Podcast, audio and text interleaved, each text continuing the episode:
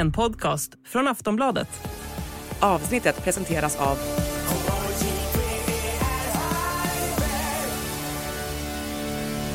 Stödlinjen.se, åldersgräns 18 år.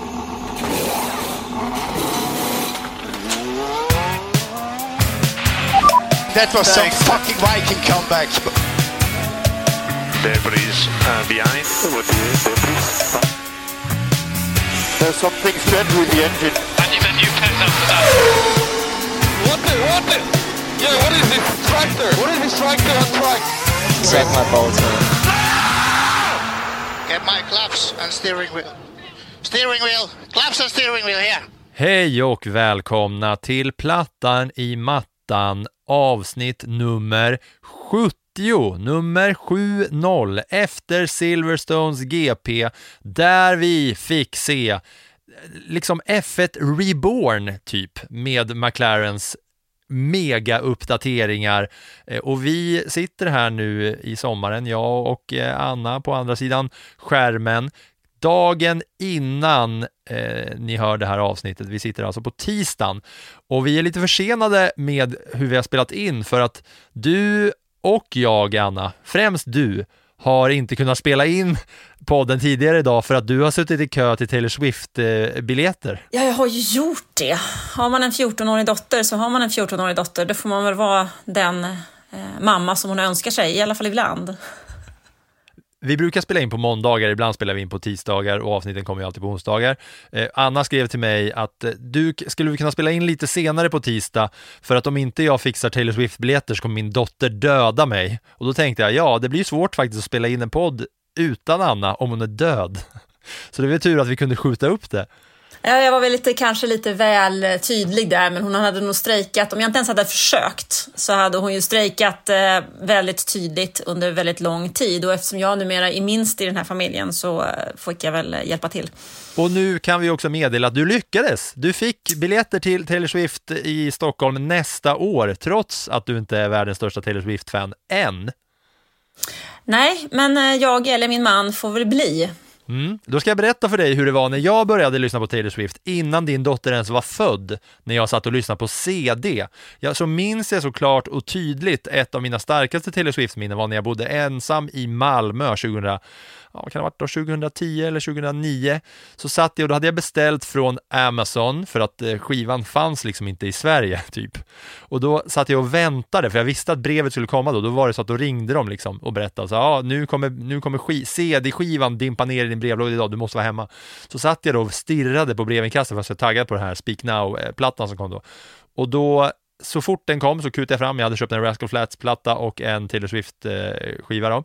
Så kutade jag och hämtade mitt Amazon-paket. Så tog jag ur varsamt, tog ur CDn, Speak Now, la den i mitt gamla Xbox, original Xbox, som är kopplat till min gamla tjock-TV med högtalare på sidan via SCART-kabel och då spelade jag upp det från liksom mediaspelaren i mitt original Xbox och la mig i min pyttelilla tvåsitssoffa, två meter lång och så la jag mig där och så låg jag och lyssnade på det där albumet tre vänder i rad. Och när jag hade lyssnat på det tre vänder i rad så la jag in det på min dator, in på min MP3-spelare och så drog jag ut och sprang till hela albumet.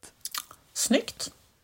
Snyggt. Så jag har hängt med sen Taylor, Taylor Swift eh, när det begav sig. Jag har lite den här känslan, du vet när man är så true fan av någonting och så har det blivit mainstream och så känner man, jag gillade Rolling Stones innan du gillade Rolling Stones. Fast med Taylor Swift, för vi satt, som, vi satt och analyserade allt när, eh, från att första skivan kom. Men mm. nu ska du få gå och titta på det. Mm, det får vi se. Och en sak som också är bra med att vi sköt upp det här avsnittet för att du skulle sitta i kö för att få sitta i kö var att precis under tiden som vi har väntat på oss att spela in så har nyheterna kommit från hela Formel 1-världen om att Nyck de Freisch inte kommer köra Ungerns GP utan det kommer köras av Daniel Ricciardo i en Alfa Tauri-bil. Det är precis nu breaking alltså, men när ni hör det här dagen efter så har det ju sipprat ut lite mer kanske, men det vi har precis nåtts av att eh, alla rapporterar om att det är Daniel Ricciardo som kommer köra Alfa Tauri-bilen. Det har ju pratats, ja, det har pratats mycket om det där. Um, Nick de Vries gjorde ju ett fantastiskt fantastiskt inhopp på Monza för Williams i fjol. Han var då ju reservförare hos eh, Mercedes. Och Max Verstappen ringde efter det upp Helmut Marko och talade om att den här killen eh, bör du kolla på.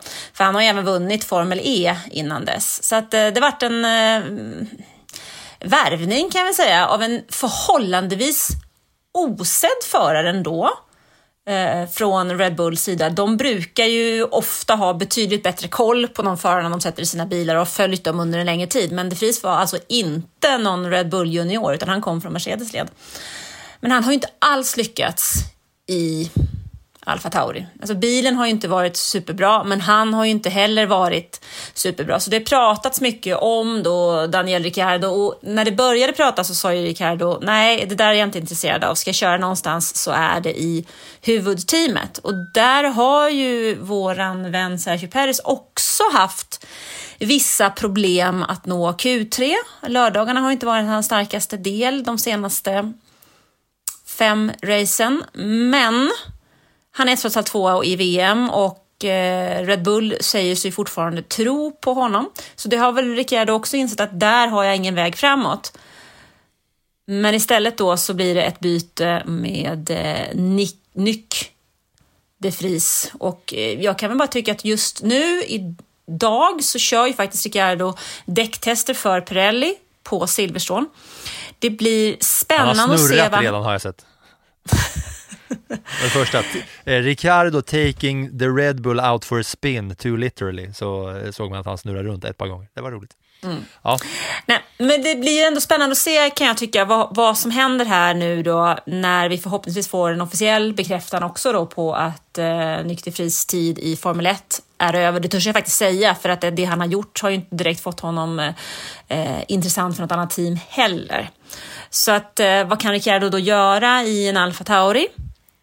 Mer än bidra med sin erfarenhet. Men jag tror ändå inte att, jag vet att det var många som var irriterade på oss efter förra veckan och tyckte att vi var extremt hårda mot Sergio Perez, vara eller inte vara, för han är ju ändå tvåa i VM. Ja, det stämmer eh, att han är det, men sett till en, en, eh, ser man det på lite längre sikt så räcker det ju inte att vara tvåa i Red Bull när man liksom blir både frånkörd och omkörd och överkörd av den förare som leder VM. För någonstans är det ändå så att eh, våran eh, vän Perez måste ju kunna stötta Max Verstappen. Och han har haft tur i år att de andra konkurrenterna inte har varit tillräckligt bra. Var folk sura på dig för eh, att, du, att vi gick hårt på Perez? Folk var mest sura på mig för att jag sa att Verstappen var ondskefull. Det var det jag fick mest skit för. Och, ja, ja. och då, då, jag har ju inte sagt att Verstappen är dålig på att köra bil. Det jag, vill jag vara tydlig med, att han är ju över, överlägset och eh, utan tvekan den bästa just nu. Men eh, feelingen bäst år, folk fortsätter vara sura. Um, men det här med Ricciardo i en Alfa Tauri då, om vi bara, om vi bara zoomar ut och kollar på uh, det som hände innan var ju att uh, Helmut Marko fick ju frågor om nykterfris på Silverstone. Vi ska såklart prata om eh, racet eh, också och alltihopa, det ska ni få ta del av såklart. Men Helmut Marko ville ju liksom inte svara på hur det skulle se ut för nykterfris efter sommaren eh, under flera intervjuer under eh, Silverstone-helgen. Och eh, jag vet inte om det var en tysk eh, F1-journalist eh, som heter Allard Kalf som var först med att rapportera om det här på tisdag förmiddag här, att eh, nykterfris är out immediately, alltså nu redan. Att eh, ja, det verkar vara från någon nära familjevän som det här har dykt upp och då via den här F1-journalisten. Eh, Nykterfris har ju som bäst blivit tolva det blev han i Monaco. Mm, och de har ju, ja, som vi har pratat om innan, att Red Bull, de är ju de är ju hårda och besynnerliga när det kommer till eh, hur man gör med sina förare. Vare sig det är stora eller små tjurar och eh, ja, nu verkar det som att det blir, eh, det blir Ricardo i en Alfa Tauri. Mm. Ja, men det är ju så här att Red Bull är ju ingen välgörenhetsverksamhet. Inte överhuvudtaget, inte något av deras team. Och de har ju inte heller råd, alltså Alfa Tauri har inte råd för sin egen verksamhets skull att tappa för mycket poäng, för det innebär pengar in i konstruktörsmästerskapet. Och det är ju så att Alfa Tauri kan ju inte bli en belastning för Red Bull, för tanken med hela Alfa Tauri, det är att man ska kunna utbyta förare, man ska kunna träna upp förare i Alfa Tauri, se om de funkar, ta dem vidare till Red Bull, bli ett eget team. Men det är också en motorpartner som kommer in som man kan sälja sina motorer till.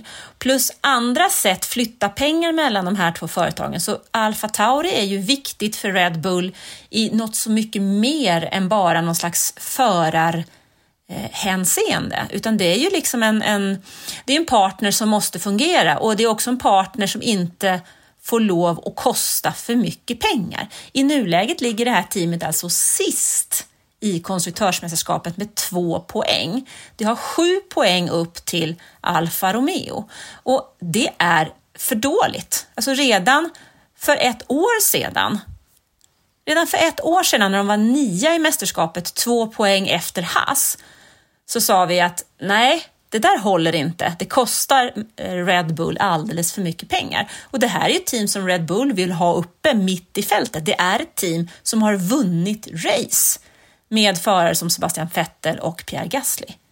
Så då behöver man ju någonstans göra någonting nu om man inte känner att det här funkar inte. Och det har ju uppenbarligen inte fungerat med Nykter Fris. Det har kostat mer än vad det har smakat. Mm. Vi ska också säga nu att det, vi kan ju få bita oss själva i arslet här om vi går för hårt på att det blir Daniel Ricciardo. Rapporterna talar mycket för att det blir Daniel Ricciardo. I och med att vi spelar in det här på tisdag eftermiddag och podden kommer ut onsdag morgon, så klart kan ju mycket ha hänt. Det är ju också lite snack om att Liam Lawson eh, kampas med Ricciardo om den där stolen i Alfa Tauri. Så det som verkar vara mest klart är att eh, Nykterfris får kicken så att säga och mer än att eh, ersättaren är 100% klar. Men de flesta rapporterna tyder på att det är Daniel Ricciardo som ska köra. Men det eh, snackas också om Liam Lawson. Ja, men alltså, vi, vi, får ju helt enkelt se vad som händer. Men det som är, vi var inne här innan på förhållandet mellan Verstappen och Perez också. Jag kikade på lite siffror här. Jag såg dem flimra förbi häromdagen. Men det skiljer alltså 99 poäng mellan Verstappen och Perez i märkesmästerskapet eller i, i förarmästerskapet just nu. Och tittar vi tillbaks så kan vad jag kan se så är det i alla fall ett tillfälle han har skilt mer. Det var mellan Alonso och Massa 2012. Då var det 131 poäng mellan de två teamkompisarna.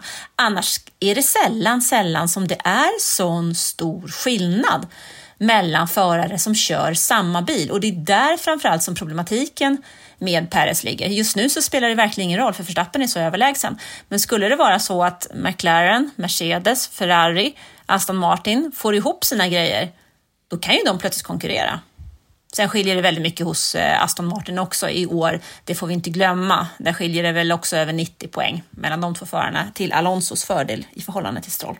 Ja, det blir spännande att hålla koll på i alla fall, särskilt nu när det inte ska racas i helgen som kommer, men Eh, helgen efter så är det Ungern, så det finns ju lite tid att eh, liksom göra klart det administrativa och hinna liksom sätta sig in i vad som, vad som eh, kommer ske där för, för teamet, för att nästa race är 23 juli i Ungern och inget nu i helgen, alltså den 16 söndagen. Med det sagt då, Anna, känner du dig redo att börja traska in och eh, dissekera allt som hände på Silverstone? Ja, men det gör jag, för det känns som ett race som också, där vi inte bara kommer att prata om det som har hänt, utan det är också ett race där resultatet lämnar en viss förväntan och potential inför det som kommer. Mm. Vill du att vi gör det genom att jag summerar det lite snabbt här bara, eh, hela helgen? Ja, men gör du det. Let's go! I Storbritannien i Storbritannien så hade vi faktiskt en helg som, hör och häpna, handlade en hel del om träningen. Va? Varför då undrar ni? Jo, för där började det med att Williams och Alex Albon skapade svallvågor från de brittiska öarna. För Albon var trea, trea och tvåa på de tre träningarna i fart och Williams-bilen den såg oerhört fin ut. Även Logan Sargent slog till med dundertider. Men träning är träning och allt sånt där, så nu till vad som spelade störst roll under helgen. För kvalet det handlade om regn, slicks eller intermediates. i Q1 som nu, måste jag nog säga, är den roligaste kvaldelen av alla den här säsongen som slår både Monaco och Kanada. För i Q1 så kom det droppar som störde det hela för de flesta och sen blev det Rumble on the Race Course och Sergio Perez ut direkt i Q1.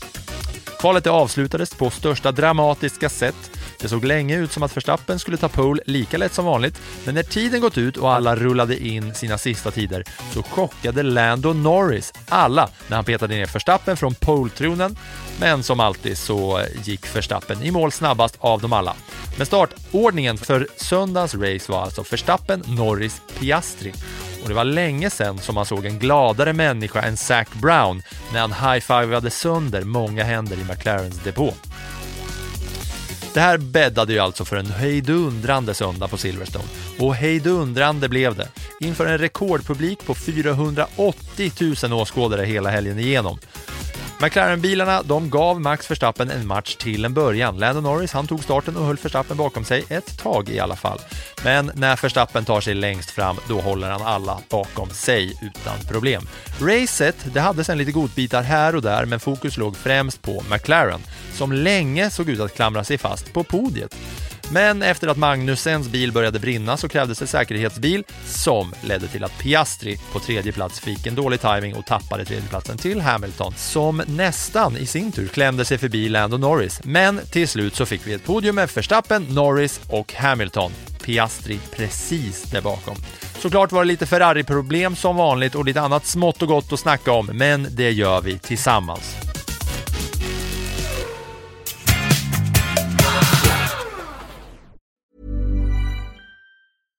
Finding your perfect home was hard, but thanks to Burrow, furnishing it has never been easier. Burrow's easy to assemble modular sofas and sectionals are made from premium, durable materials, including stain and scratch resistant fabrics. So they're not just comfortable and stylish, they're built to last. Plus, every single Burrow order ships free right to your door. Right now, get 15% off your first order at burrow.com slash ACAST. That's 15% off at burrow.com slash ACAST.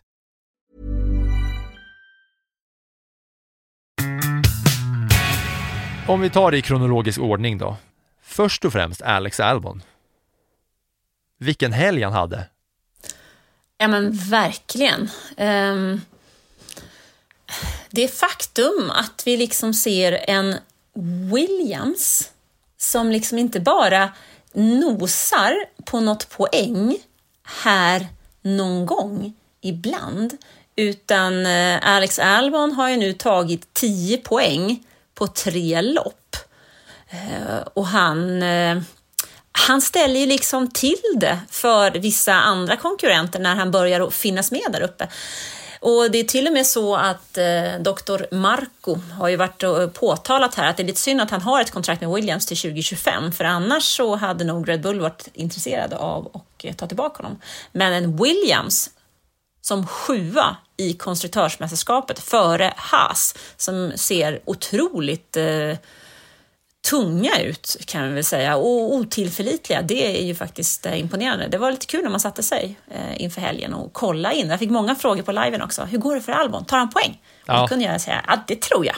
Och jag kan säga att jag eh, hade några roliga bets hos våra vänner på Hyper just på Albon. Jag hade ett säkert på att han skulle ta eh, en topp 10-placering. Ett som var att han skulle ta en topp 6-placering och det var ju faktiskt nära också. Och en var att båda Williams-bilarna skulle ta poäng och det var ju bara en placering ifrån att eh, Sargent eh, kom tia också. För båda såg bra ut. Jag tycker det känns som att det var jag som jinxade med min liksom med mitt eh, raseriutbrott mot deras eh, platta golv för eh, si så många veckor sedan. För efter att jag hade gjort det så har ju de, Williams och framförallt Alex Albon, råmega levererat. Ja men det var det, alltså, träningarna såg bra ut, eh, han såg bra ut tyckte jag under hela helgen. Um, ja, det blir spännande att följa. Sen så måste man tänka på, det här var en otroligt snabb bana många raker. Det var inte speciellt varmt, det var runt 20 grader i luften. Ja, när vi kommer till Ungern så är det ju någonting helt annat. Mm, och det får vi hålla koll på när vi blickar framåt Ungern, men det ska vi inte göra eh, riktigt än. För vi ska, eh, alltså eh, som jag sa här i genomgången, att liksom Träningen brukar väl inte man bry sig så mycket om, men det var just att han var så konsekvent snabbast, eller snabb här, Alex Albon, och, och, och höll sig där uppe varv efter varv, träning efter träning.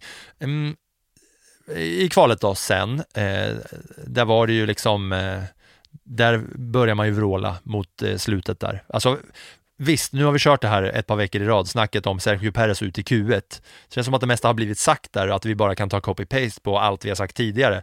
För att nu, han fortsätter ju liksom inte klara av det samtidigt som Verstappen gör det i den andra bilen. Jag vet inte, har du något att säga som, som du inte känner att du har sagt senaste fem poddarna när Perez har åkt ut innan Q3? Nu åkte jag ut i Q1. Nej, jag känner väl mest att, att uh även om det är lätt att säga att han är två i VM och att han måste leverera så, så att han, det, är ingen, det är ingen fara på taket så är det någonstans så att man måste, man måste leverera. Punkt färdigt. Ja, vi får väl se om eh, vad vi får säga eh, kommande veckor om han får ordning på det, men alltså det var inte så att han åkte ut i Q2, han åkte ut i Q1 ett. Ja, men det fanns ju en anledning till det också. Det var ju också det att han stod och väntade så otroligt länge, för vi hade en röd flagg. Och han körde ut för att få se till att han kom snabbt ut på banan, så han snabbt kunde sätta ett varv innan där förbenade regnet kom. Det var ju bara att han fick vänta i typ åtta minuter. Alltså det är ju så länge som man, man åtta minuter, det är ju hur länge som helst. Mm. Och då hann ju däcken bli kalla. Och, och så, ja. Men ändå klarar Verstappen av det vecka efter vecka och skillnaden där. Och så vidare. Vi, vi släpper där och vi kollar bara Q3. Lando Norris och Oscar Piastri. Lando Norris hade man ju liksom fått eh, lite provsmakning på eh, helgen innan, att, han, eh, att de där uppdateringarna var kanonbra. Och Piastri var ju sist då, men nu fick Piastri samma uppdateringar och båda de här McLaren-förarna, pang, Eh, det som, är, det som är intressant eh, kan jag tycka med McLarens uppdateringar här, det är ju att de, det är inte någonting litet de har gjort, utan de valde ju att lägga lite längre tid på sina uppdateringar i förhållande till exempelvis Aston Martin. För de insåg i början av säsongen att de behöver göra en, en, ja, en ny design, redesigna hela den här bilen för att eh, hitta rätt. Och det handlar liksom inte om det man kan se nu. Vi ser sidepodsen, vi ser golvet, vi ser motorkåpa och lite sådana saker. Men egentligen så har de gjort en förändring av i stort sett varenda aerodynamisk del som finns, som de kom, har gjort här under sommaren och även kommer att fortsätta med. Och de fick ju också designa om delar av karossen. Och det tar ju väldigt, väldigt mycket tid. Och vi pratar kanske om att som Lewis Hamilton sa, det ser ut som en kopia av Red Bull. Ja, det är klart att det ser ut som en kopia av Red Bull, för man är väl dum om man inte tittar på den bilen som är helt överlägsen. Då, då är man ju korkad. Eller så, gör man kan... som, eller så gör man som Williams som ser att alla har kanongolv och de bara, nej, vi kör platt golv. Ja, men det som är lite intressant här, det är ju, jag funderar liksom på det, det är inget, nu är det bara en tanke, men den här bilen som, från Sergio Perez som man lyfter upp i Monaco, och då, efter Monacos GP, så pratade vi om att ja, det där är ett schysst läge att fotografera. Nu har det gått ett par veckor. McLaren kommer med ett nytt golv och med en bil som ser ut som att den är copy-paste liksom, på den andra bilen. Ehm, fick de lite hjälp där, kanske, av den lyftkranen? Det hoppas man. Ja, nästan så är det så. Sen ska vi komma ihåg en sak till. Ehm, jag vet inte om du tänkte på det när vi pratade med Christian Arnell i avsnitt 58, när vi pratade om Red Bull och deras framgångsår. Då pratade vi om Adrian Newey, så pratade han om en annan man. Kommer du ihåg namnet? Nej, men jag vet att det är han som är i McLaren nu och eh, styr upp saker och ting och att det är väl han som ska hyllas för eh, deras nu eh, nyfunna fart. Ja, nu vet inte jag om jag uttalar hans eh, efternamn U rätt. Uttal är väl inget som jag känner att vi behöver ha högsta krav på oss. Så länge han inte är tysk, då har du högsta krav på dig. han heter Peter Promodo. Um, han har varit hos McLaren sedan 1991. Där lärde han känna Adrian Newey. De jobbade tillsammans hos McLaren när Micke Häkkinen vann sina VM-titlar eh, och snuvade Ferrari på dem i slutet av 90-talet. Eh, han gick också med Adrian Newey till Red Bull och stannade där under förhållandevis många år. Men i samband med att de hade vunnit de här VM-titlarna med Sebastian Vettel fram till 2013 så flyttade han tillbaks till McLaren där han nu har varit sedan dess. Ehm, och han har ju då varit med och strukturerat om aerodynamikavdelningen. Han har ju fått en bra, en, en lite annan roll sen dess att eh, James eh, Keelan eh, lämnade det här eh, teamet under inledningen av 2023, så nu är han mer teknisk direktör. Så frågan är ju hur mycket han har, vilken roll han har spelat i den här. Troligen så har han ju varit med och styrt upp någonting hos McLaren. Men, känner jag, vi måste ändå säga men här.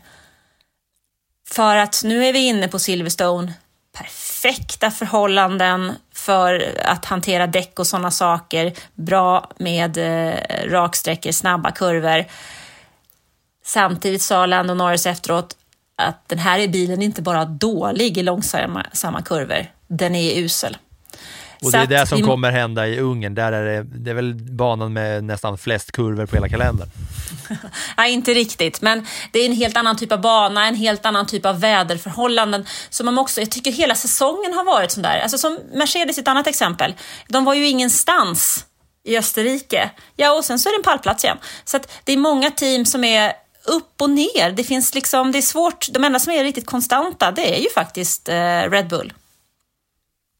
Ja, men det var ju det var ju härligt att få uppleva något nytt här i alla fall. Och de här uppdateringarna, det säger ju rätt mycket att både Piastri och Norris är så pass högt upp, alltså tvåa, trea i kvalet, tvåa, fyra i racet. För Piastri Absolut. har man ju inte sett skymten av där uppe, även fast Norris ibland har blixtrat till.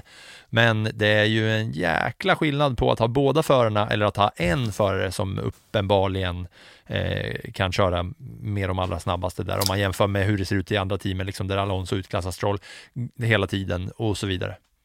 Ja men så är det ju. teamet hade tagit 29 poäng när de kom till Silverstone. De tog 30 poäng på en tävlingshelm i England. Så, att, så att det är ju en jätte, jätte, jätte stor skillnad och det, är ju, det har ju hänt någonting. Det enda jag vill säga här är att det kommer ju säkerligen att finnas banor där man ställer sig frågan, jaha, vad har hänt med McLaren nu då? För att de inte passar. Så att det, det är svårt. Um, jag tycker att det i år har varit svårare att se tendenser vid sidan av Verstappen. Vi kan räkna bort honom. Han är liksom en egen liga. Den där bilen passar ju honom som handen i handsken och han gör ju inte längre några dumma fel som han hade en tendens att göra. Ja, nu var han ju på väg in i muren här under kvalet var det väl. Men, men annars så gör han väldigt små såna, få sådana missar. Medan hos de andra teamen så är det väldigt mycket upp och ner.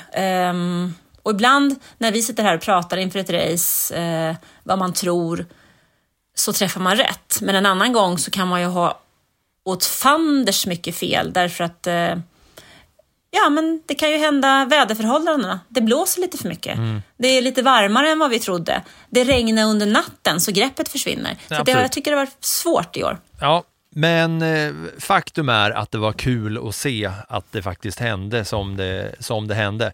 Eh, vi har inte ens kommit in på racet, även fast vi har nosat på hur bra det gick för McLaren helgen igenom. Eh, en annan grej som hände i kvalet var i alla fall att det var lite bråk mellan eh, Leclerc och Sainz där när de skulle ut inför sin sista runda och det var långa köer och eh, Sainz sket i allt och körde förbi Leclerc och Leclerc sa så här på radion. Nice Carlos, nice. Good overtaking last corner. Innan de skulle ut och sätta sina sista varv. Det var ju eh, det var en start på en lite liksom stökig helg för Sainzen. Ja, och eh, jag tycker, nu är det ju så här att Ferrari har ju inte riktigt varit där som man vill vara, även om de har ny ledning och eh, ny organisation.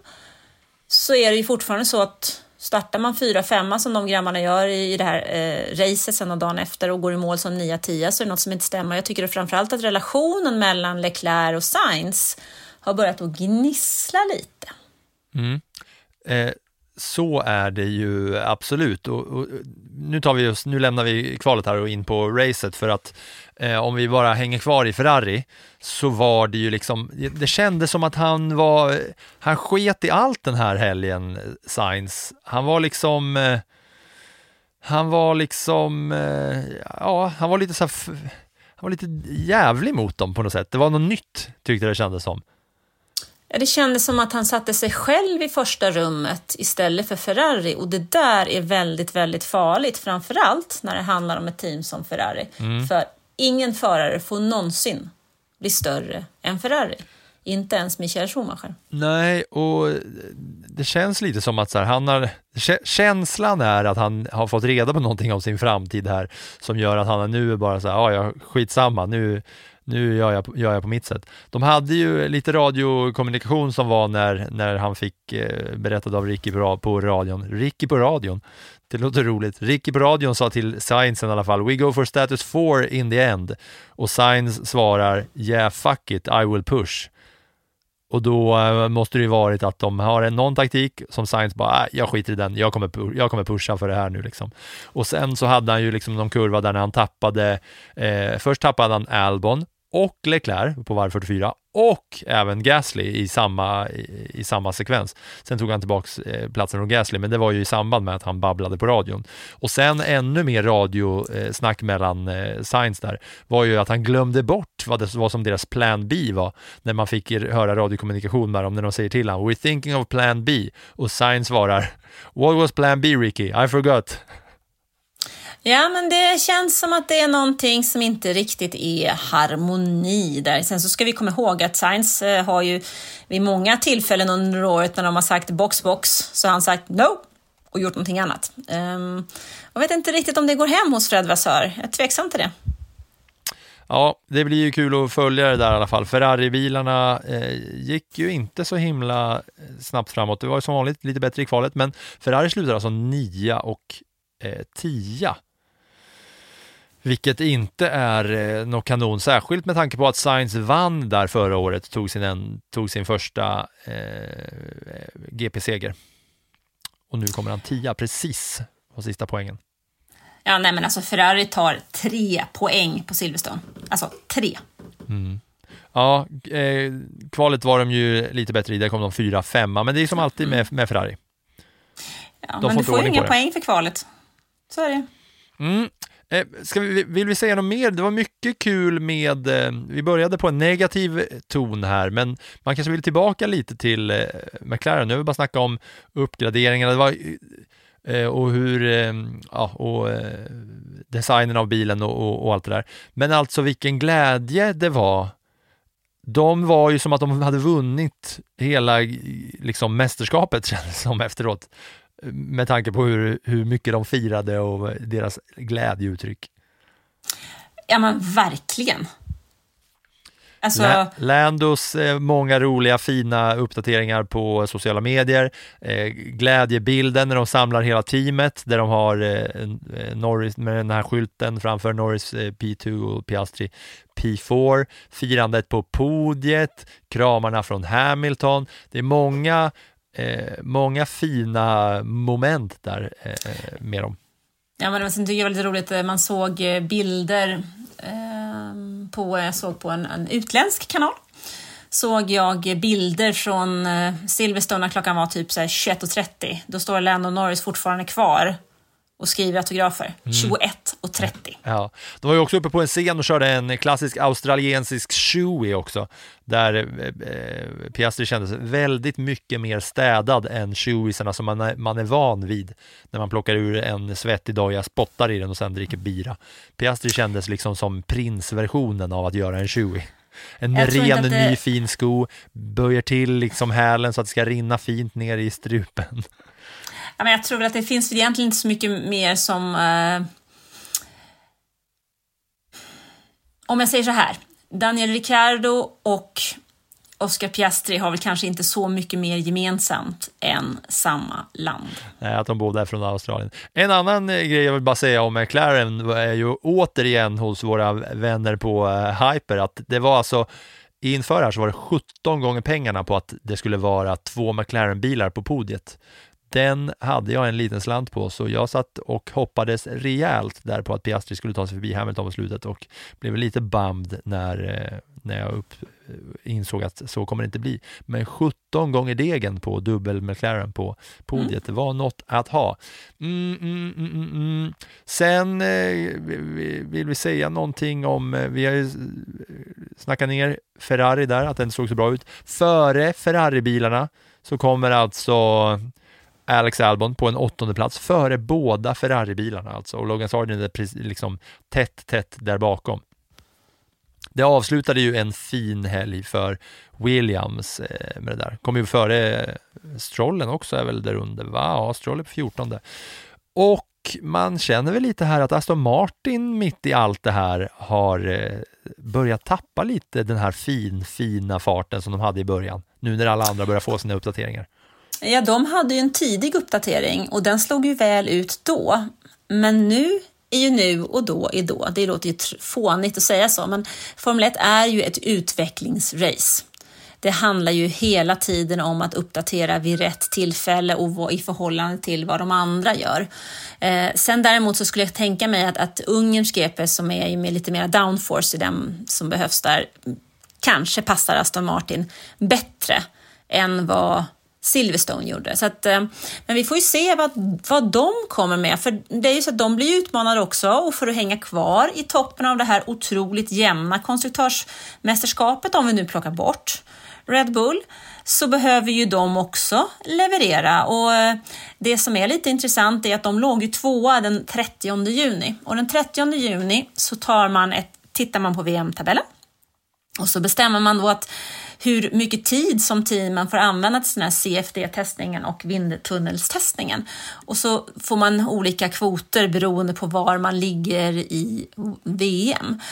Och eh, Aston Martin låg ju betydligt bättre i år än vad man gjorde för ett år sedan vid samma tidpunkt. Vilket gör att de tappar ju tid i vindtunneln i förhållande till vad de hade förra året. Eh, medan ett team som Ferrari till exempel, de får ju tid i vindtunneln i förhållande till vad de hade för ett år sedan. Ja, det, är många, tiden... det är många liksom kalkyleringar som man måste göra där. Alltså. Ja, men det är det. Och nu börjar vi komma in i mitten av säsongen också. Vi skulle ha kört 12 race nu. Det har vi inte. Vi har kört 10, men eftersom Imola och Kina försvann. Men nu börjar teamen också titta på nästa år och då blir ju nästa kalkylering också. Vad ska vi göra nu? Och vad ska vi göra till nästa år? Hur ska vi fördela våra resurser i det här? I förhållande till vad vi ligger i konstruktörsmästerskapet, hur mycket vi kan ta där, eh, hur mycket vi kan tjäna i pengar och i förhållande till hur mycket vi tappar i vindtunneln. Var ligger vi i, våran, eh, i vårt budget till det och vad gör våra konkurrenter? Så det där är ju, jag höll på att säga, det är en vetenskap som varken du eller jag kan räkna ut. Men det brukar vara spännande här. Nej, men det brukar vara spännande de här månaderna att se och just för Aston Martin så är det ju lite annorlunda i år eftersom de faktiskt så att säga tappar tid i mm. utveckling. Mm. De ligger ju fortfarande på eh, bra placering i konstruktören. De ligger på tredje plats, 181 poäng. Eh. Mm, men de har ju tappat en placering faktiskt sen den 30 juni. Mm. Och McLaren på uppgång, de, de har över 100 poäng upp till Aston Martin, men om man har två bilar som börjar plocka poäng helg efter helg som är fler än Aston Martin, då kan det hända grejer där eh, framme ändå. Mm, mm, mm, mm, mm, mm eh, Mercedes då, apropå konstruktörsmästerskapet som eh, ändå ligger där, tvåa bakom Red Bull. Hamilton. Hamilton eh, trea på hemmaracet. Det var roligt, eh, jag glömde säga det, att det var ju det brittiska GP här, va? Hamilton och Russell och Norris. Men Alex Albon fick inte stå med, för under nationalsången så hade de linat upp då de brittiska förarna längst fram när de körde den här Frias-versionen på sax och med någon Damien Lewis som är skådis va, som sjöng nationalsången. Kan det vara så? Damien ja, Lewis. Så kan, det, så kan det vara. Han är en skådespelare. Ja, jag vet inte var, vart, jag, vart man har sett honom. Det slår ni väl mig på fingrarna att han har varit med i allting och överallt. Men det var i alla fall en lite annorlunda version än om man jämför med till exempel Saudis legendariska nationalsång.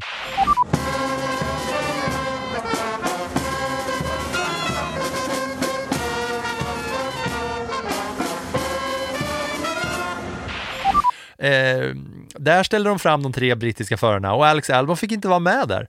Trots att han är mer britt än thai, men han kör med en thai-licens. Ja, we know. Men det var ändå lite speciellt att se dem köra då God Save the King och så fick eh, inte Alex Albon vara med. Nej, det, så är det ju ibland. Det är inte så att alla får vara med överallt som det kan vara eh, på vissa ställen ibland. Ja, nej, där fick jag inte vara med. Där stod de andra tre brittiska förarna som var nöjda med sitt eh, hemmarace för den här megapubliken på 480 000. Det var ett jäkla intresse alltså. Men Hamilton eh, smäller in ett eh, nytt podium och var, klappade om Lennon Norris som sin mm. glada lillebror.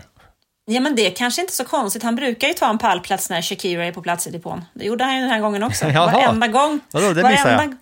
Ja, varenda gång hon har varit där så har han eh, kört in en pallplats. Det är tredje gången i år. Mm -hmm. Otroligt vad hon är intresserad.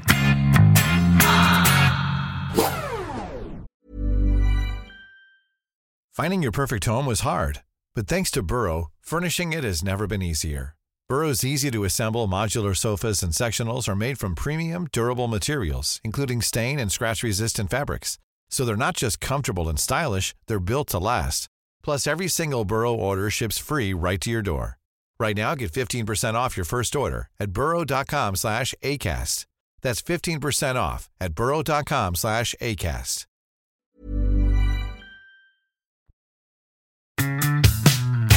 Och apropå sådana här celebrities som eh, ska hänga nere i, eh, i depåerna och på eh, griden och sådär, så var det ju ändå, jag tror att hon är någon slags supermodell som det då kallas, hon heter Cara Delevingne hon verkar vara brittisk, tror jag. Jag vet ingenting om henne. Hon är säkert också råmegakändis på TikTok och alla vet eh, vem det är i hela världen, förutom jag. Må så vara. Men för Sky Sports, som eh, gör den här gridwalken, så är det Martin Brundle som brukar gå runt där och prata med kändisarna. Ni vet när de bara eh, petar på folk och så gör de intervjuer. Då kom han, det har varit jättemycket snack om det här på sociala medier, att han blev behandlad så respektlöst när hon vägrade då säga någonting. För hon var i Alfa Romeos eh, depå och testade bilen och de gjorde någon promotion-video med henne där. Och då när Martin Brandel vill fråga henne så här hur det har varit, då kommer en Alfa Romeo-representant och bara nej, nej, nej, hon, kom, hon vill inte prata. Och så ställer han några frågor, eh, försöker ändå Martin Brandel då. Eh, så här lät det. We'll see if we can um, just stand in the way really. Uh... she doesn't want to talk, but everybody is talk on the grid. Uh, that's the that's the deal now. Everybody talks uh, on, on, the grid. Um, can we have a quick chat, Sky F1? Good to see you on the grid. He said he said, well, the deal is everybody has to speak on the grid, but uh, you know, hey. Uh, okay, all right. Well, I'm sure it would have been extremely interesting.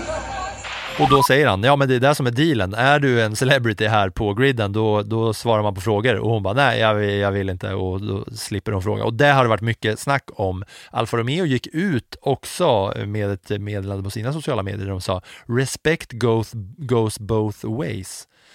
Jag, hade, jag vet inte riktigt vad man ska tolka av det. Men det tog du mig in på bara genom att nämna Shakira. Jag vet att det har varit mycket snack om det och många britter som har gått i taket åt alla håll och kanter efter det här beteendet på griden. Det här gillar du att prata om va? Ja, jag vet inte riktigt vad jag ska säga.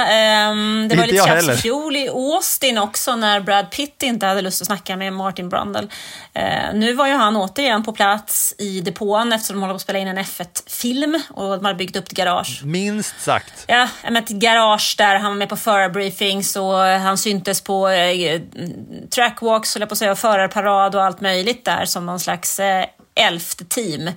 Eh, Apex GP, om jag förstått det hela rätt, inför den här eh, filmen som Apple ska spela in så småningom. Men han gjorde det också då, så det kanske jag vet inte riktigt vad jag ska säga. Eh, man kanske inte har så mycket att säga om F1 om man inte är där mer än någon gång ibland. Nej, exakt. Men man kan ju i alla fall svara på frågan och säga jag tycker det ska bli roligt. Jag har inte så bra koll, men det ska bli kul att kolla på racet. Det skulle jag ha sagt. Ja, vi har väl alla lite olika positioner Ja. i samhället kanske? Nu, eh, nu har vi lämnat det här racet. Eh, jag bara drar topp 10 här eh, lite snabbt. Verstappen, Norris, Hamilton, Piastri, Russell, Perez tog sig hela vägen upp till en sjätte plats. Det är vi vana att se nu för tiden. Eh, Alonso 7, Albon 8 och sen Leclerc, Sainz 9, 10 med Logan Sargent på bubblan precis utanför eh, poängen. Eh, det var ju ett stort eh, baloo alltihopa kring eh, Silverstone och eh, Christian Horner, Red Bull-chefen, ville också ha ännu mera hula baloo efteråt för att det är ju i hans hemmakrokar. Han skulle bjuda in till ett stort grillparty hemma hos sig. Ett stort barbecue efter kvalet där så berättade han att ja, jag bjöd in allihopa till mitt hus på ett barbecue och eh, då märkte man att förarna som kom dit, de började direkt bara snacka om banan. Att de inte pratar om något annat än racing och det gillar man ju, att de är helt inne i den där världen. Eh, han fick frågan också, Horner, om det var så att alla 20 kom. Men då sa han, nej, nej, men ungefär halva griden var hemma hos Christian Horner och eh, käkade grillkorv. Ja, fyra av dem kör väl för olika Red Bull-team då. Ja, ja, så är det väl. Det var de, de hade inget, inget val. Det hade man ju velat se, det palatset som han och Spice Girlen lever i. Vill du plussa helgen nu kanske när vi har börjat ta oss från racingen via supermodeller och grillpartyn? Men det gör vi väl.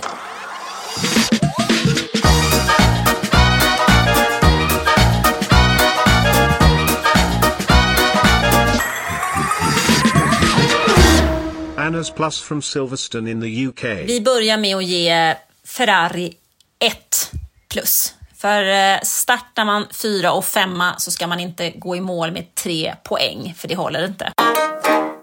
Två puss plus. Två puss. Ger vi två puss. Han ska, ha, han ska ha två puss av mig. Ja, han får två pussar. då. Det är Alex Albon, för att jag tycker att eh, det sättet som han eh, levererar på är ju godkänt. Det är nästan som att han, han får en, liksom en, en Tre puss. tredje i hörnet där. Två plus och en puss. Mm, precis, så kan man säga. Tre plus går ju till Max Verstappen. Alltså vi har ju krav på honom nu, men han tog pole, han tog en sjätte seger i rad, han ser till att Red Bull tar en elfte segern i rad, vilket är en tangering av McLarens rekord från 1988. Otroligt. Ja, det är det faktiskt.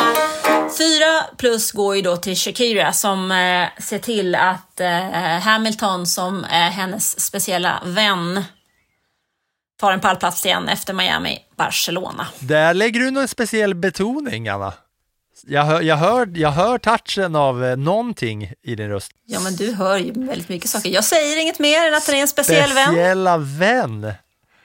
Ja, det, Ja, vi hade- låter vi- du vi- vi lyssnarna få välja själva. Eh, ja, vi såg lite tajta fotografier här efter tävlingen i Barcelona. Det har jag missat. Att- Vill du inte berätta mer? Jag gillar ju när du kör F1 förarslisk. Ja, det var, den, det, var det, det eh, slisket som drog bloggen till skyhöjder strax efter det faktiskt. Jaha, I Barcelonas GP. okej. Precis. Men Lewis Hamilton och Shakira är alltså speciella vänner efter att Shakira har dumpat eh, Gerard Piqué. Lite så, Mhm. skulle man kunna säga. Oj då. Och sen då? Fem plus kvar. Fem plus är McLaren.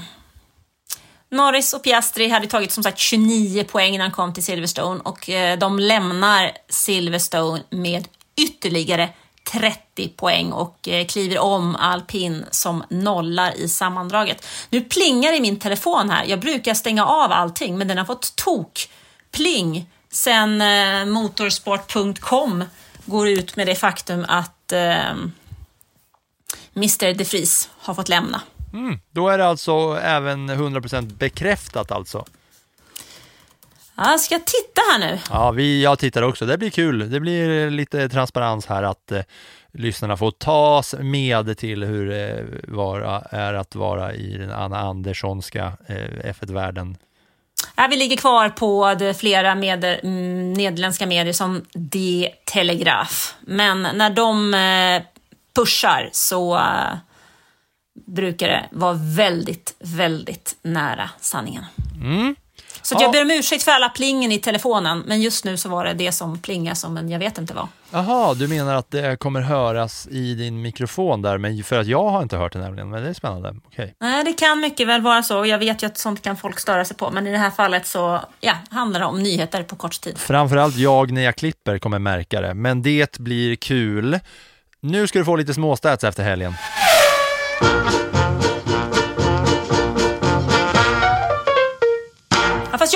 Med en. Jag vill, vill, vill, vill, vill börja med en. Välkommen! Tack! Det är faktiskt så att det är vid 16 tillfällen under F1, ja, sen F1 har funnits egentligen, sen 1950, så har Ferrari gått ett år utan att ta en enda seger. Och om man tittar man då på hur en, en sån prispall skulle se ut med Ferrari år utan segrar. Så mellan Tysklands GP 1985 och Japans GP 1987 så gick de två år, två månader och 28 dagar utan seger. Mellan Singapores GP 2019 och Bahrains GP 2022 gick de två år, fem månader och 26 dagar utan seger. Men mellan Spaniens GP 1990 och Tysklands GP 1994 gick de tre år, tio månader och en dag utan seger. Nu börjar vi ju närma oss faktiskt ett år utan seger. För senast de vann var väl i Frankrikes GP förra året och det var i mitten av juli. Mm, så det kan bli den sjuttonde gången i F1-historien som Ferrari går en säsong utan en seger. Mm, där ser man. Den var klar och tydlig. Nu ska du få några otydligare och lite eh, snurrigare. Eller vi börjar tydligt. Eh, du var inne på eh, att Shakira ledde Hamilton till ett nytt podium.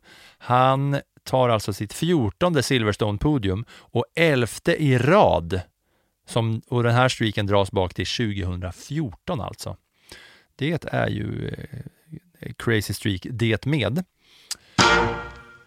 Och sen hittade jag en, en, en lite luddig stat här på att Red Bull vinner ju alla race, men det här är första gången på 14 år som fem olika konstruktörer har haft ledningen på första varvet.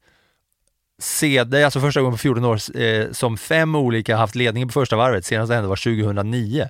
För i år så har eh, McLaren hade ledningen här i Storbritannien, Ferrari hade ledningen i Azerbaijan, Mercedes hade ledningen i Österrike, i Australien, Aston Martin, Saudiarabien och sen Red Bull på resten.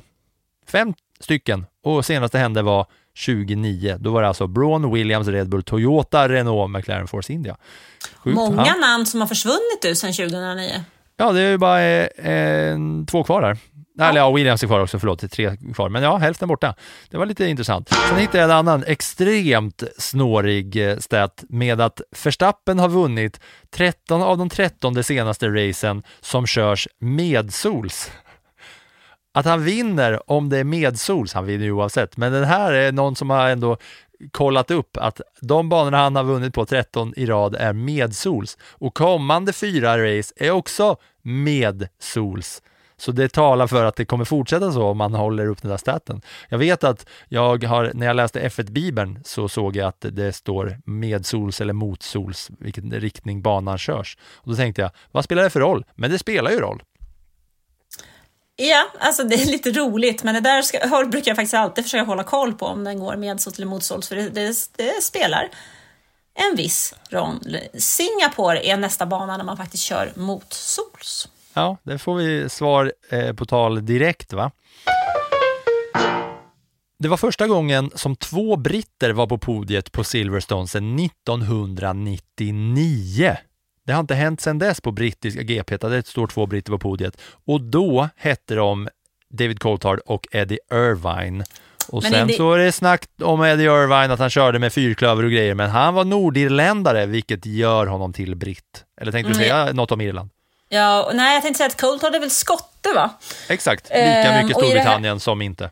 Ja, Eller som i- eh, Nordirland. Men det som är lite kul här är väl att både Norris och Hamilton är engländare, eller från England båda två. Engelsmän. Mm, Engländare det. är första Engländare, var fick jag det ifrån? Engelsmän. Första gången jag har hört. Eh, Det är en tysk, halvtysk översättning. Jag ber om Ja. ursäkt för mitt eh, tyska, halvtyska blod.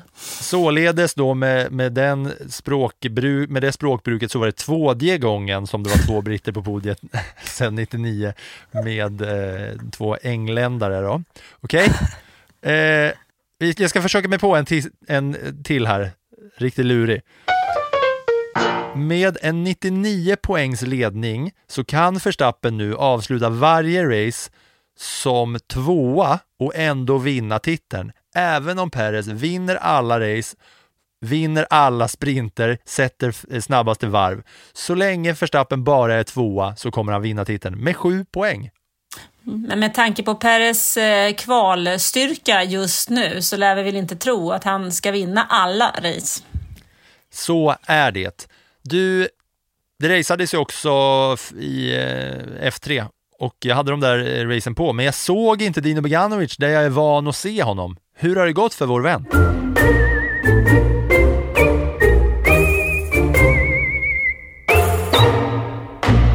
Alltså han fick ju motorproblem i kvalet så han startade ju sist i båda efterloppen och han gjorde det ju bra.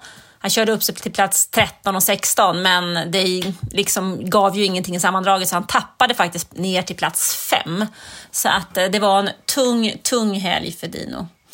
Um, lite roligare var väl om man tycker, ty- tycker om att kika på Extrem E där Johan Kristoffersson och Mikaela Olin Kotorinski tog en dubbelseger på Sardinien.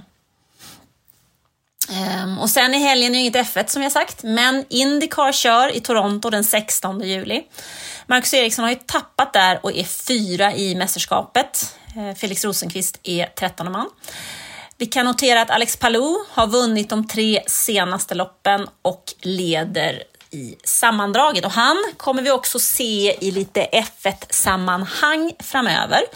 Därför att han eh, ska ju köra för eh, McLaren. Han ska byta team till McLaren och eh, är, ju en del i den McLaren Group och Zac Brown har ju, vill ju gärna ta med honom mot F1 och det kan ju kan bli aktuellt med någon form av fredagskörningar för honom.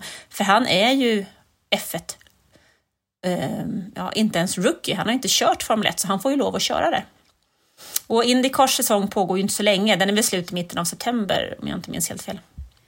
Mm.